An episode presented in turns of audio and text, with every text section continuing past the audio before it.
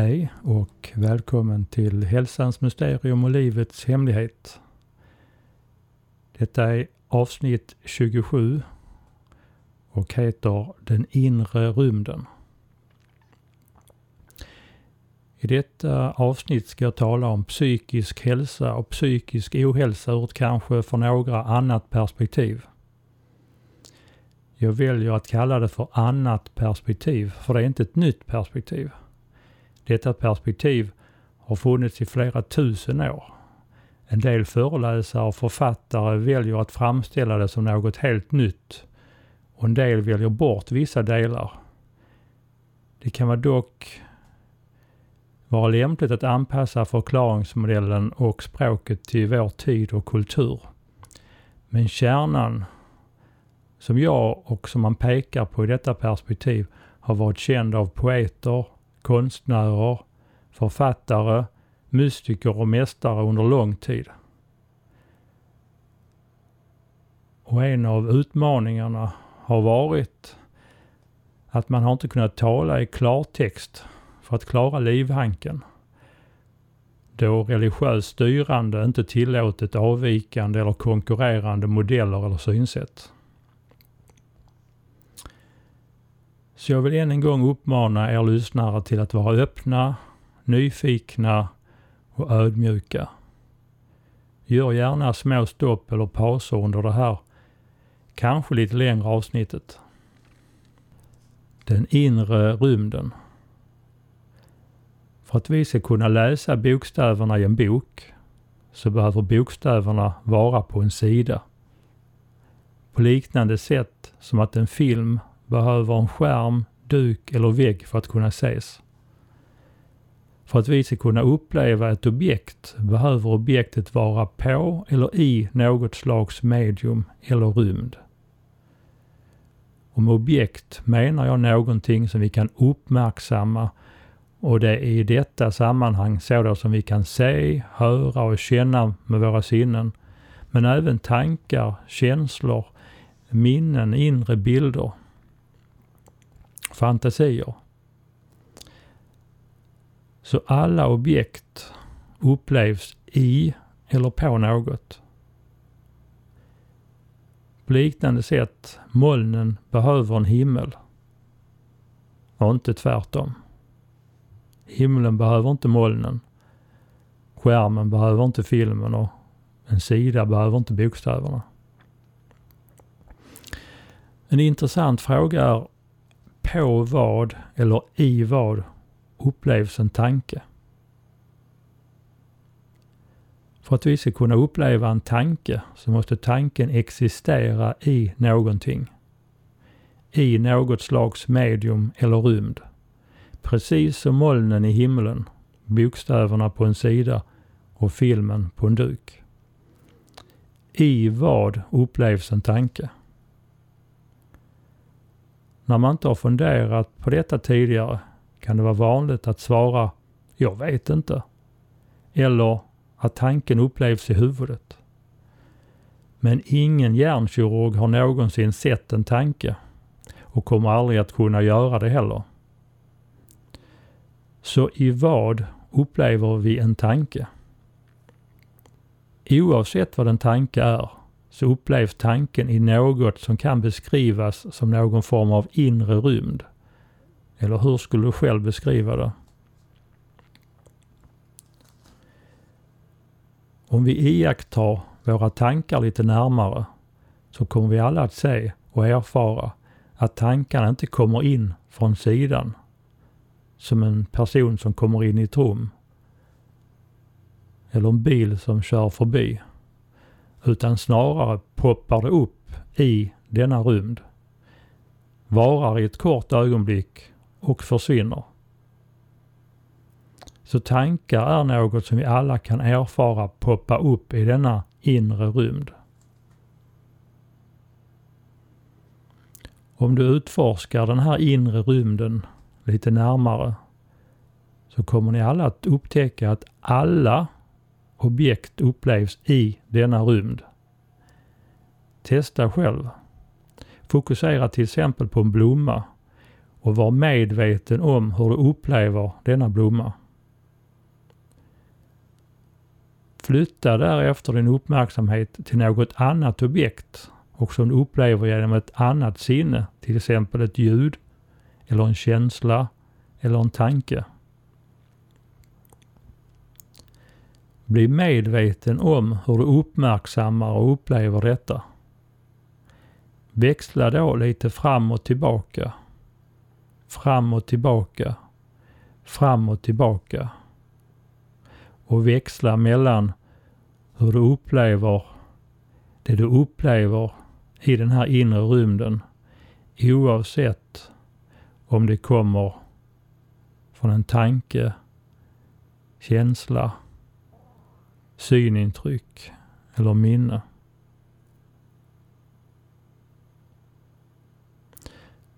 Så du kommer alltså att uppleva och erfara att alla yttre och inre objekt, det vill säga sinnesintryck, det du ser, hör, luktar, känner och smakar och tankar och minnen upplevs i samma rymd. Ett förtydligande. Vem är det som upplever det som upplevs i denna rymd? Det är ingen kuggfråga. Jo, det måste ju vara jag. Det måste ju vara jag som upplever det som upplevs. Ett förtydligande till. Vem är det som observerar det som upplevs i denna rymd? Jo, det måste ju också vara jag. Det kan rimligtvis endast vara jag som observerar det som poppar upp i denna inre rymd. Sammanfattningsvis så här långt. Oavsett vad eller vem jag är och vad denna så kallade inre rymd är, så är jag den som både observerar och upplever det som poppar upp i denna så kallade inre rymd. När jag uppmärksammar och fokuserar på ett objekt med så kallade pilseende så tappar jag omgivningen och periferin. Så när jag lägger hela min uppmärksamhet och koncentration på ett objekt så blir det det som jag koncentrerar mig på i hela min upplevelse. Lägger jag hela min uppmärksamhet i boken eller på filmen så kommer jag att förlora mig i denna upplevelse. Hela mitt sinne kommer då att fyllas av detta. Man säger ibland att man förlorar sig själv. Och det är just vad som sker. På liknande sätt fokuserar och förlorar sig de flesta människor idag på alla olika inre och yttre objekt som dyker upp i denna rymd. Det poppar ständigt upp tankar och känslor alla möjliga sinnesintryck från livets situationer och händelser. Inte minst tv-program och serier. När vi fokuserar på alla tankar och på allt som ständigt händer i livet kommer vi att förlora oss själva. Vi blir identifierade med det vi uppmärksammar.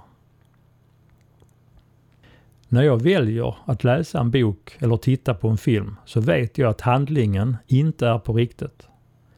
När vi läser en bok eller tittar på en film så har vi kontroll. En bra bok eller en film berör med spänning, sorg, glädje eller romantik. Vi vill beröras. Vi förlorar oss ett tag och drömmer oss bort. Det kan bli en form av verklighetsflykt. Att få uppleva någonting annat. Att slippa bekymmer. Att få uppleva andra känslor. Så vi kan, när vi vill, om vi vill, lägga ifrån oss boken eller stänga av filmen. Vi kan blunda eller titta bort. Vi kan också, om vi vill, intala oss om att det inte är på riktigt och då försvinner drömmen eller illusionen. Men med det som händer i verkligheten är det annorlunda. Eller är det det? Ja, för många är det så. Många tror att allt som händer i verkligheten är verkligt och att jag därmed påverkas av det ofrivilligt. Många vill gärna lägga skulden och orsaken till våra problem utanför oss. Det är den andra personens fel eftersom de sa och gjorde så. Det är arbetsgivarens fel. Det är grannens fel att jag mår så här. Det är min uppfostran som gjorde att jag blev så här. Det beror på mina gener att jag är så här. Det är invandrarnas fel. Det är politikernas fel. Det är vädrets fel. Och så vidare och så vidare.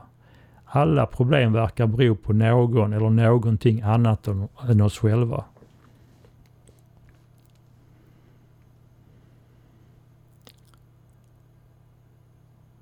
Läkaren, författaren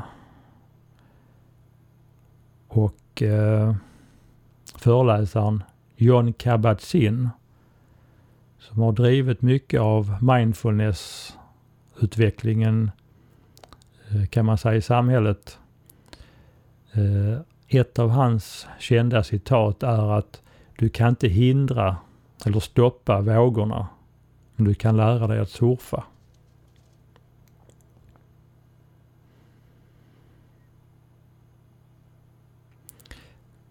Det som är orsaken till människors oro, lidande, stress och psykisk ohälsa kan uttryckas som att man har glömt vem man är och förlorat sig själv i tankarna, känslorna och upplevelserna. Man vet inte längre vem man egentligen är. Och jag ska förtydliga det här ytterligare. Om jag fokuserar och förlorar mig i allt som poppar upp i denna så kallade rymd. Precis som i bokläsningen eller filmtittandet. Så blir jag ett offer för allt som händer i min inre och yttre omgivning. Jag kommer alltså att reagera på allt som bevittnas och uppmärksammas eftersom jag förlorar mig i det och blir identifierade med det. Precis som med berättelsen, handlingen i boken eller filmen. Men med skillnaden att vi upplever att vi har kontroll i livet. Ett annat känt ordspråk som brukar stå att det är ett kinesiskt ordspråk är Du kan inte hindra sorgens fåglar från att flyga över ditt huvud, men från att bygga bo. Så inse, du kan inte kontrollera dina tankar eller yttre händelser. Tankar bara poppar upp, liksom sorgens fåglar och olika situationer poppar upp i ditt liv och vågorna kommer. Att inse detta är en avgörande nyckel för psykisk hälsa. Och om du tror att du kan kontrollera tankarna så kan vi göra ett litet test.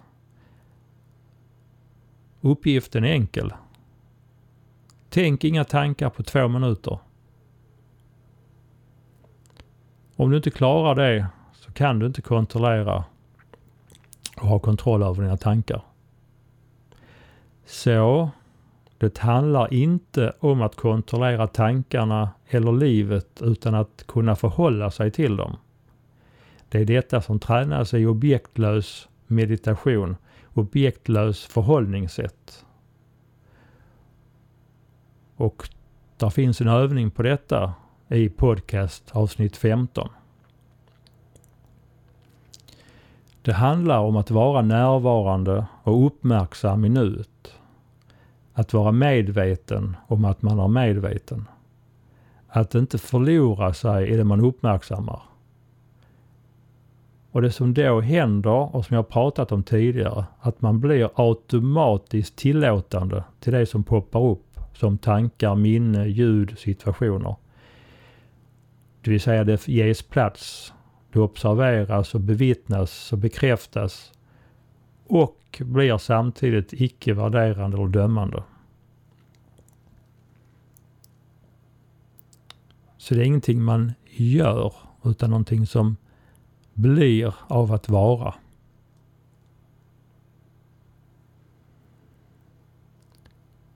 Så oro, lidande, psykisk ohälsa och stress uppstår alltså när man inte klarar av att förhålla sig till sina tankar och det som händer i livet. Det är alltså inte själva tankarna eller händelserna som är problemet. Eftersom vi inte kan kontrollera tankarna är det inte heller tankarna vi ska försöka påverka eller förändra.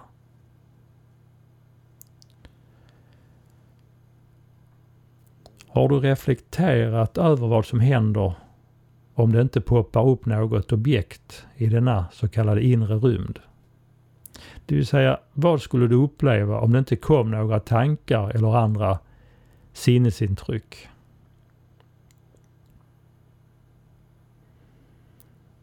Jag har nu i hela detta avsnittet pratat om denna rymd som alla objekt poppar upp i och något som alla upplevelser upplevs i. Har du själv funderat närmare på vad denna rymd egentligen är för något? Det som jag valt att kalla rymden, det symboliserar medvetandet. Så alla tankar poppar upp i medvetandet. Alla objekt som vi uppmärksammar, alltså tankar, känslor, sinnesintryck, händelser, upplevs i medvetandet. Så hur skulle det upplevas om det inte dyker upp något objekt i medvetandet? Det vill säga när vi inte uppmärksammar någonting. Det händer naturligtvis ingenting, men vi upplever vår innersta natur. Vi har i hela vårt liv sagt jag om mig själv. Vi refererar hela tiden oss som jag. När jag var tre år, när jag började skolan, när jag blev förälskad, när jag fick punktering på cykeln, jag är hungrig, när jag gick och la mig, att jag känner mig trött, att jag är glad eller ledsen. Jag, jag, jag. Vi pratar och refererar till jag hela tiden. Jag, jag, jag. Men vem är jag? Om vi skalar av alla ytliga skal, som om vi skalar en lök, vad blir då kvar? Det som vi är, är det som består och som inte kan skalas av. Jag har i tidigare avsnitt om mysteriet människan pratat om 90-90-processen. I 90-90 skalar man av lager efter lager genom att ta reda på vad man inte är och kommer på så sätt närmare och närmare vad man är. Men det räcker inte med att veta vad man inte är. Det jag innerst inne är, är inte apotekare, för det är bara en titel. Och jag har dessutom inte varit apotekare hela livet, så det är inte det jag är. Och den jag väsentligen är är inte heller far eller pappa. För det har jag inte heller varit hela tiden. Jag är inte heller mina tankar. För tankar kommer och går. Eller som vi sagt i detta avsnittet, att tankar är något som poppar upp och sedan försvinner i medvetandet. Och jag upplever inte att en del av mig försvinner med tanken. Så tankarna kan inte vara den eller det jag egentligen är.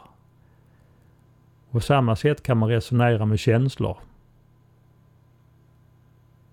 Och att jag inte heller är min kropp. Jag kan uppleva att jag är i en kropp, men jag är inte denna kroppen. Alla upplevelser av kroppen upplevs, liksom alla andra objekt, också i medvetandet. Så vad är då min innersta kärna? Min essens som jag hela tiden refererar till.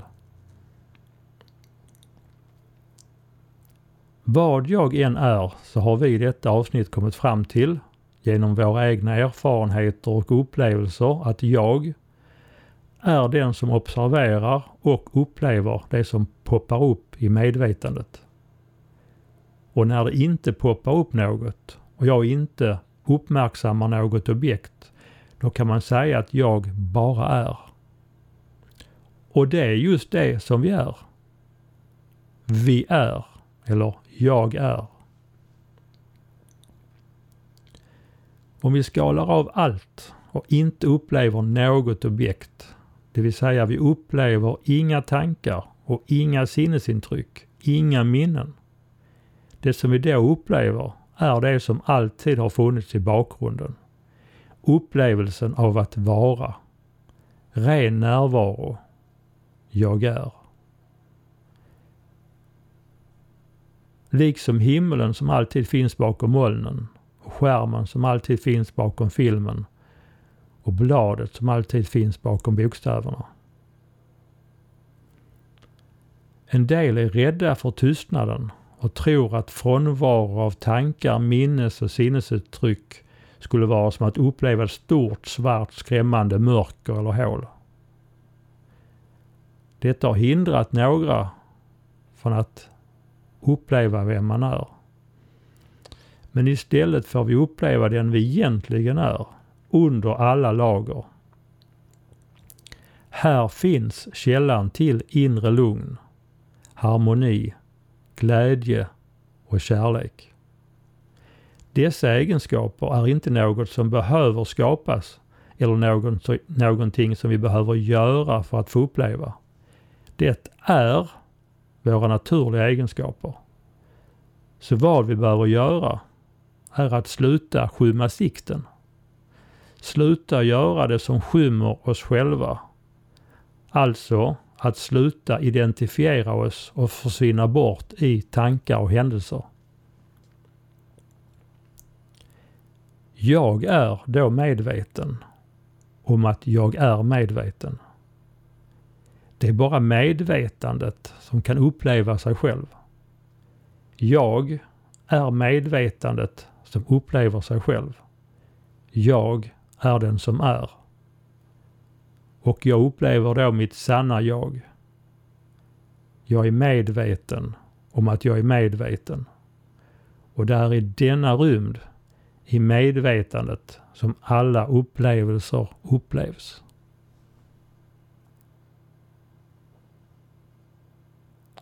Sammanfattningsvis så här långt. Så jag är både den som är och jag är den som observerar och upplever det som är i medvetandet.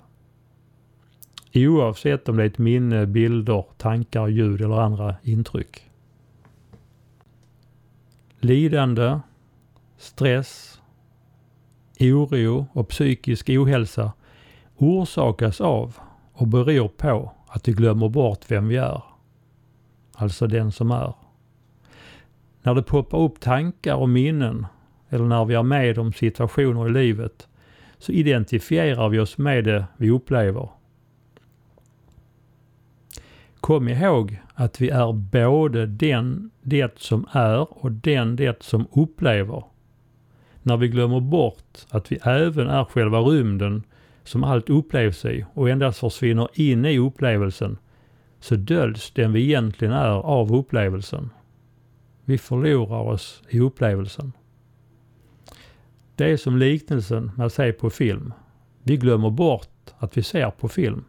Vi glömmer bort att vi tittar på en tvådimensionell snabbrörlig bild på en skärm.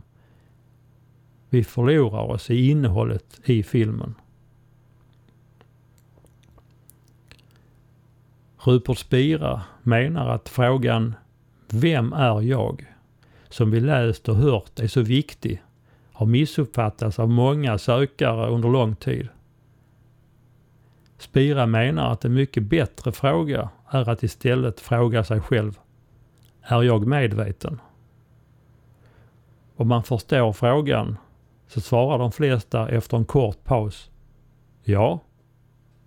Att vara medveten om att man är medveten är att uppleva sig själv. Sitt sanna jag. Den vi är, är den som är. I tystnaden upplever vi vårt sanna jag, vår sanna natur. Frågan, är jag medveten? tar oss den direkta vägen. Om vi inte glömmer bort vem vi egentligen är när vi uppmärksammar tankarna och livets händelser så kan vi ha kvar vår medvetenhet i bakgrunden då kommer inte heller händelser och situationer att tillfälligt skymma vår sanna natur. Vi kan vara medvetna och uppmärksamma och uppleva allt som sker, men vi förlorar oss inte, inte helt. Vi glömmer inte vem vi egentligen är. Tankar och upplevelser kommer då inte längre skymma sikten. Träna gärna på detta i podcast avsnitt 15. Om till exempel Buddha skulle tittat på en film så skulle han vara medveten om han sitter och tittar på en skärm samtidigt. Så att det kommer tankar, känslor, upplevelser är inte problemet. Problemet är alltså att de flesta av oss hela tiden är fokuserade på alla objekt och glömmer eller skymmer sig själv. Det är som att det vi upplever gör att vi förlorar oss på samma sätt som när man läser i en bok eller ser på en film. Medvetandet i vilket allting upplevs, likt boken, himlen och skärmen, glöms bort. När boken är slut ser vi boken igen. När vi läser boken glömmer vi bort bladen som finns där hela tiden i bakgrunden och som gör det hela möjligt. Utan bladen skulle vi inte kunna läsa bokstäverna. På liknande sätt med filmen. Vi kan inte se filmen utan att det finns en skärm eller duk. När filmen är igång glömmer vi bort skärmen. Alla tankar, känslor och upplevelser upplevs i medvetandet. Men vi förlorar i det vi upplever. Men medvetandet finns där hela tiden som en rymd. För annars skulle vi inte kunna uppleva någonting.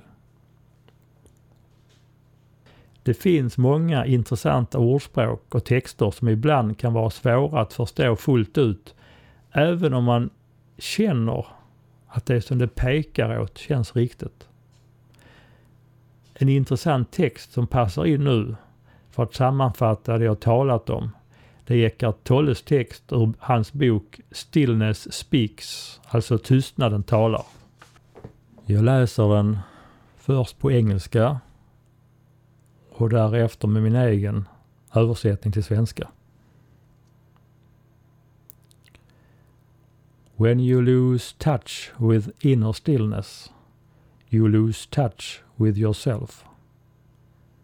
When you lose touch with yourself, you lose yourself in the world.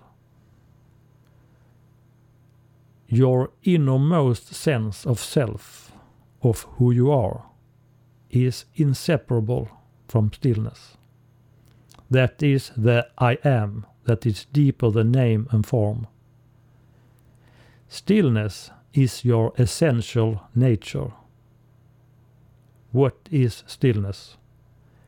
The inner space of awareness in which the words on this page are being perceived and become thoughts.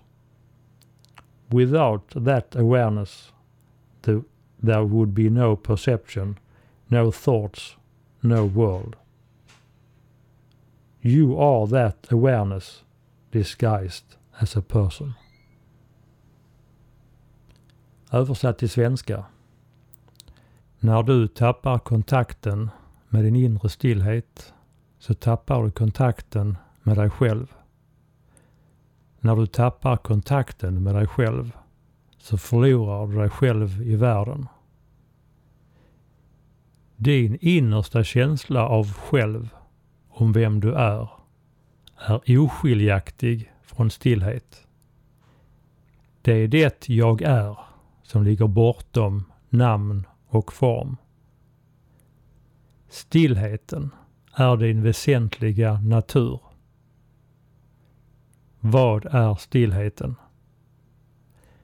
Det är den inre rymd av medvetande genom vilka dessa ord på denna sida upplevs och blir tankar. Utan detta medvetande skulle det inte finnas någon upplevelse, inga tankar, ingen värld. Du är detta medvetande, förklädd som en person.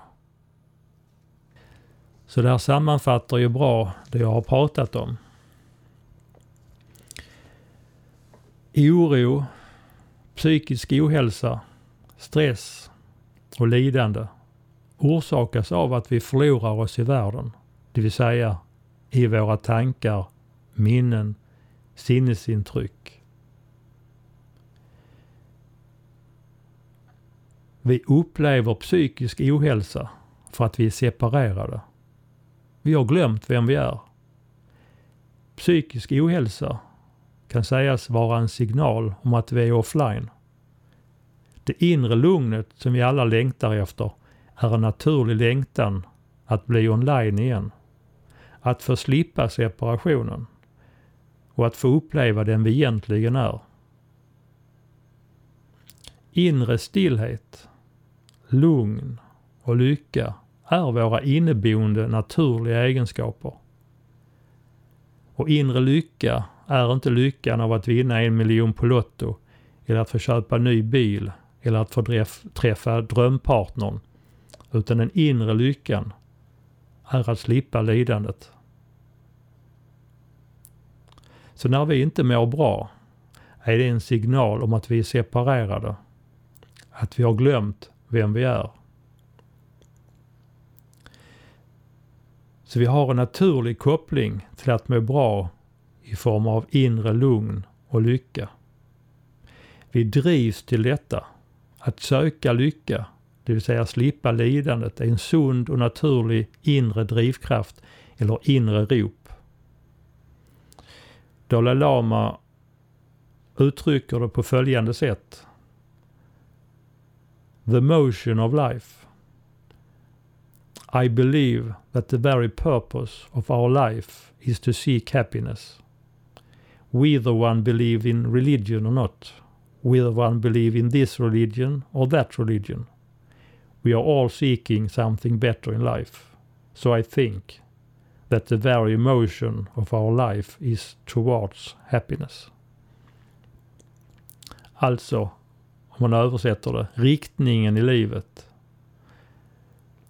Jag tror att det verkliga syftet med vårt liv är att söka lycka. Och oavsett om man tror på religion eller inte och oavsett vilken religion man tror på så är vi alla sökare efter någonting bättre i livet. Så jag tror att den verkliga rörelsen och drivkraften i vårt liv är mot lycka. När jag läste till apotekare för mer än 30 år sedan trodde jag att det var läkemedel som var framtidens medicin mot all ohälsa. Men min nyfikenhet, öppenhet och ödmjukhet har efter 25 års sökande fört mig hit där jag är idag. Sjukvården har gjort stora framsteg de senaste decennierna, framförallt inom akutmedicinen. Men när det gäller psykisk ohälsa behöver vi tänka om. Det faktum att läkemedel sällan botar borde vara tillräckligt för att börja fundera även i andra riktningar. De flesta, inte alla läkemedel, lindrar och behandlar endast symptom. Och allmänheten har ju lärt sig att man går till sin läkare när man inte mår bra. Och det är klart att läkaren först måste undersöka så att det inte ligger någon allvarligare sjukdom bakom eller underliggande symptomen. Och oftast gör det inte det. Och idag är det många som upplever symptom som oro, trötthet, sömnsvårigheter, magproblem, huvudvärk och nedstämdhet. Tänk om det finns en helt annan förklaring till alla dessa symptom och som samhället i stort har missat. Tänk om det finns ett helt annat sätt att komma till rätta med den här psykiska ohälsan. Tänk om. Tänk om det inte alls är som vi har trott. Är du villig att utforska den möjligheten? Jag vill även hänvisa också till en föreläsning jag gjorde för några år sedan som jag lagt upp på Youtube. Där jag pratar om hälsa, livskvalitet och betydelsen av inre lugn. Och att det är kanske är en av de viktigaste frågorna som läkaren bör ställa till sin patient om man har det inre lugnet. Även denna länken ligger på min hemsida under detta avsnittet, avsnitt 27, på amixe.se. När du nu har hört detta avsnitt så reflektera över det du har hört och känt och upplevt. Lyssna sedan på avsnittet igen. Jag har ägnat mycket tid åt att reflektera över det jag delar med mig här. I början går det inte att ta till sig allt på en gång. Jag själv har fått reflektera över detta många gånger. Och oftast i kortare perioder och omgångar. Så lyssna igenom igen och pausa emellanåt när du behöver det. Om du gillar att lyssna på mina podcast så hjälp mig att sprida innehållet. Dela med dig av mina podcast till dina vänner, kollegor och nätverk. Jag anser att det jag förmedlar är både intressant och tänkvärt. Men jag vet också att det kan upplevas som hotfullt och skrämmande och ointressant för andra. Jag vet också att en del personer söker det tysta för sig själv. Man vill eller vågar inte dela med sig eller prata om det jag pratar om här. Detta ämne kan fortfarande vara tabu hos en del. Men jag tror att det finns många som skulle vilja ta del av detta. Så var snäll och dela min hemsida www.amixe.se med de du känner och låt dem själva få ta ställning. Låt andra få tillgång till den informationen om vem de egentligen är så att vi tillsammans kan få samhällssynen på psykisk ohälsa i en annan riktning.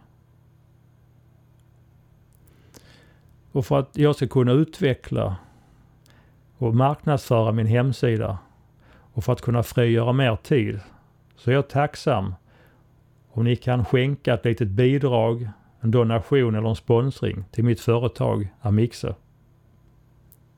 Det finns mer information om detta också under kontakter på min hemsida. Ett sätt att bidra är att köpa detta avsnittet i en text i en åttasidig pdf-fil. Så det jag har suttit och pratat om nu har jag skrivit ner hela texten på åtta sidor för ibland har jag själv märkt att vissa saker är ibland bättre att läsa än att höra. Och ibland är det intressanta komplement. Så om du vill så kan du ladda ner eller få tillsänt den här eh, pdf-filen. Mer information om detta finns på min hemsida. Jag har inspirerats mycket av Rupert Spira de senaste åren. Och detta avsnittet är mycket av Rupert Spiras uttryckssätt och därför tycker jag att det är lämpligt att jag avslutar och sammanfattar detta långa avsnitt med en, eh, ett, citat, ett citat ifrån honom. Jag läser även detta först på engelska och sen min egen översättning efteråt. Suffering is to the mind what pain is to the body. When you put your hand in the fire you experience pain. The pain is not a mistake. It's not something that's wrong. The pain is the intelligence of your body telling you take your hand out of the fire. So pain is working on behalf of your well-being. Suffering is exactly the same at the level of the mind, a signal that something needs attending to a message that we have mistaking ourselves for a cluster of thoughts and feelings. In other words, suffering is not here to thwart us. It is not a punishment. On the contrary, it is here to help us. It is a wake up call. That's what suffering is. It is cooperating with your desire for happiness. It's telling you you have got your hand in the fire. It's telling you you have mistaken yourself for an object, a limited self. Have another look. To begin with, it is a gentle call, but in time it gets more and more severe. However, irrespective of its intensity, the wake up call is always saying the same thing. We have overlooked or forgotten who we truly are. Rupert Spira. Min översättning blir Lidandet är för sinnet vad smärtan är för kroppen. Om du håller handen över elden så upplever du smärta. Smärtan är inte ett misstag. Det är inte någonting som är fel. Smärtan är kroppens intelligens som berättar för dig att ta bort handen från elden. Så smärtan samarbetar för att du ska fungera bra. Lidandet har motsvarande uppgift på sinnets nivå. Att signalera att det finns något att ta tag i. Ett budskap om att vi har misstagit oss för att vara en massa tankar och känslor. Med andra ord, lidandet är inget som egentligen motarbetar oss. Det är inget straff. Tvärtom. Det är här för att hjälpa oss. Det är en väckarklocka. Det är vad lidandet är. Lidandet samarbetar med din önskan om lycka. Den berättar för dig att du har handen över elden. Den säger dig du har misstagit dig själv för att vara ett objekt. Ett begränsat själv. Ta en ny titt på vem du är. Till att börja med så är det en snäll signal. Men med tiden blir det mer och mer allvarlig. Oavsett dess intensitet så visar alltid väckarklockans signal samma sak. Vi har förbisett eller glömt vem vi verkligen är. Tack för att du lyssnar. Hej så länge.